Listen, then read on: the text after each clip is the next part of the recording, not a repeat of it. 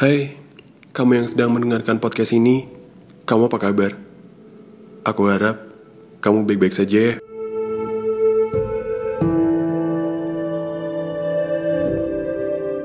Hampa dan sunyi. Mungkin itu yang kurasakan sekarang.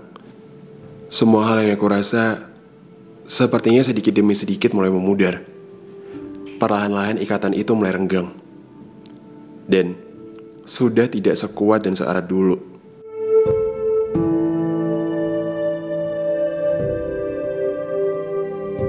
Hangat.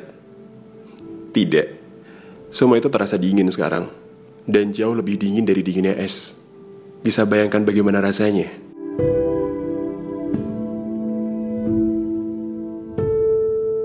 Semesta memang jahat. Semesta memang tidak adil. Semesta selalu membuat semuanya menjadi tidak berdaya.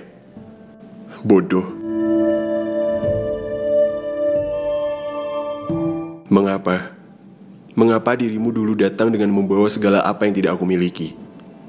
Dan dengan semua angan yang engkau janjikan kepadaku. Lalu, apakah kata kita masih pantas di antara aku dan kamu? Masih adakah? Atau sudah melebur dan menjadi debu? Kamu jahat. Sekarang aku benar-benar tidak mengerti. Dan membiarkanku bertanya-tanya tentang apa yang terjadi. Pelukmu kini sudah tidak sehangat dulu lagi. Sekarang kamu di mana? Mengapa kamu membuat semua yang baik-baik saja menjadi serumit ini? Dan sekacau ini?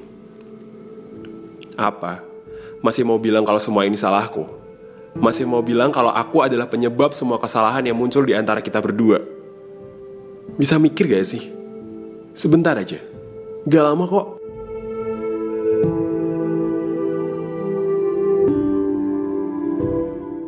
Aku yang selalu bertahan. Dengan kuatnya harapanku kamu dapat berubah.